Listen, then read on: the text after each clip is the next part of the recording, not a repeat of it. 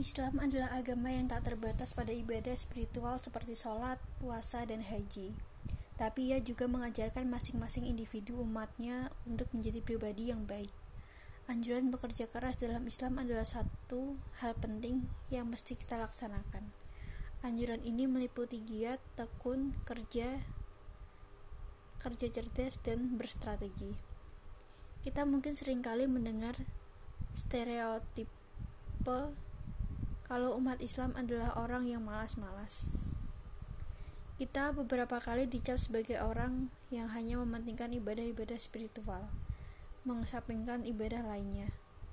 Dengan dalih bahwa umat Islam hanya mementingkan urusan akhirat daripada urusan dunia. Padahal jika kita mengejar akhirat, maka dunia akan mengikuti.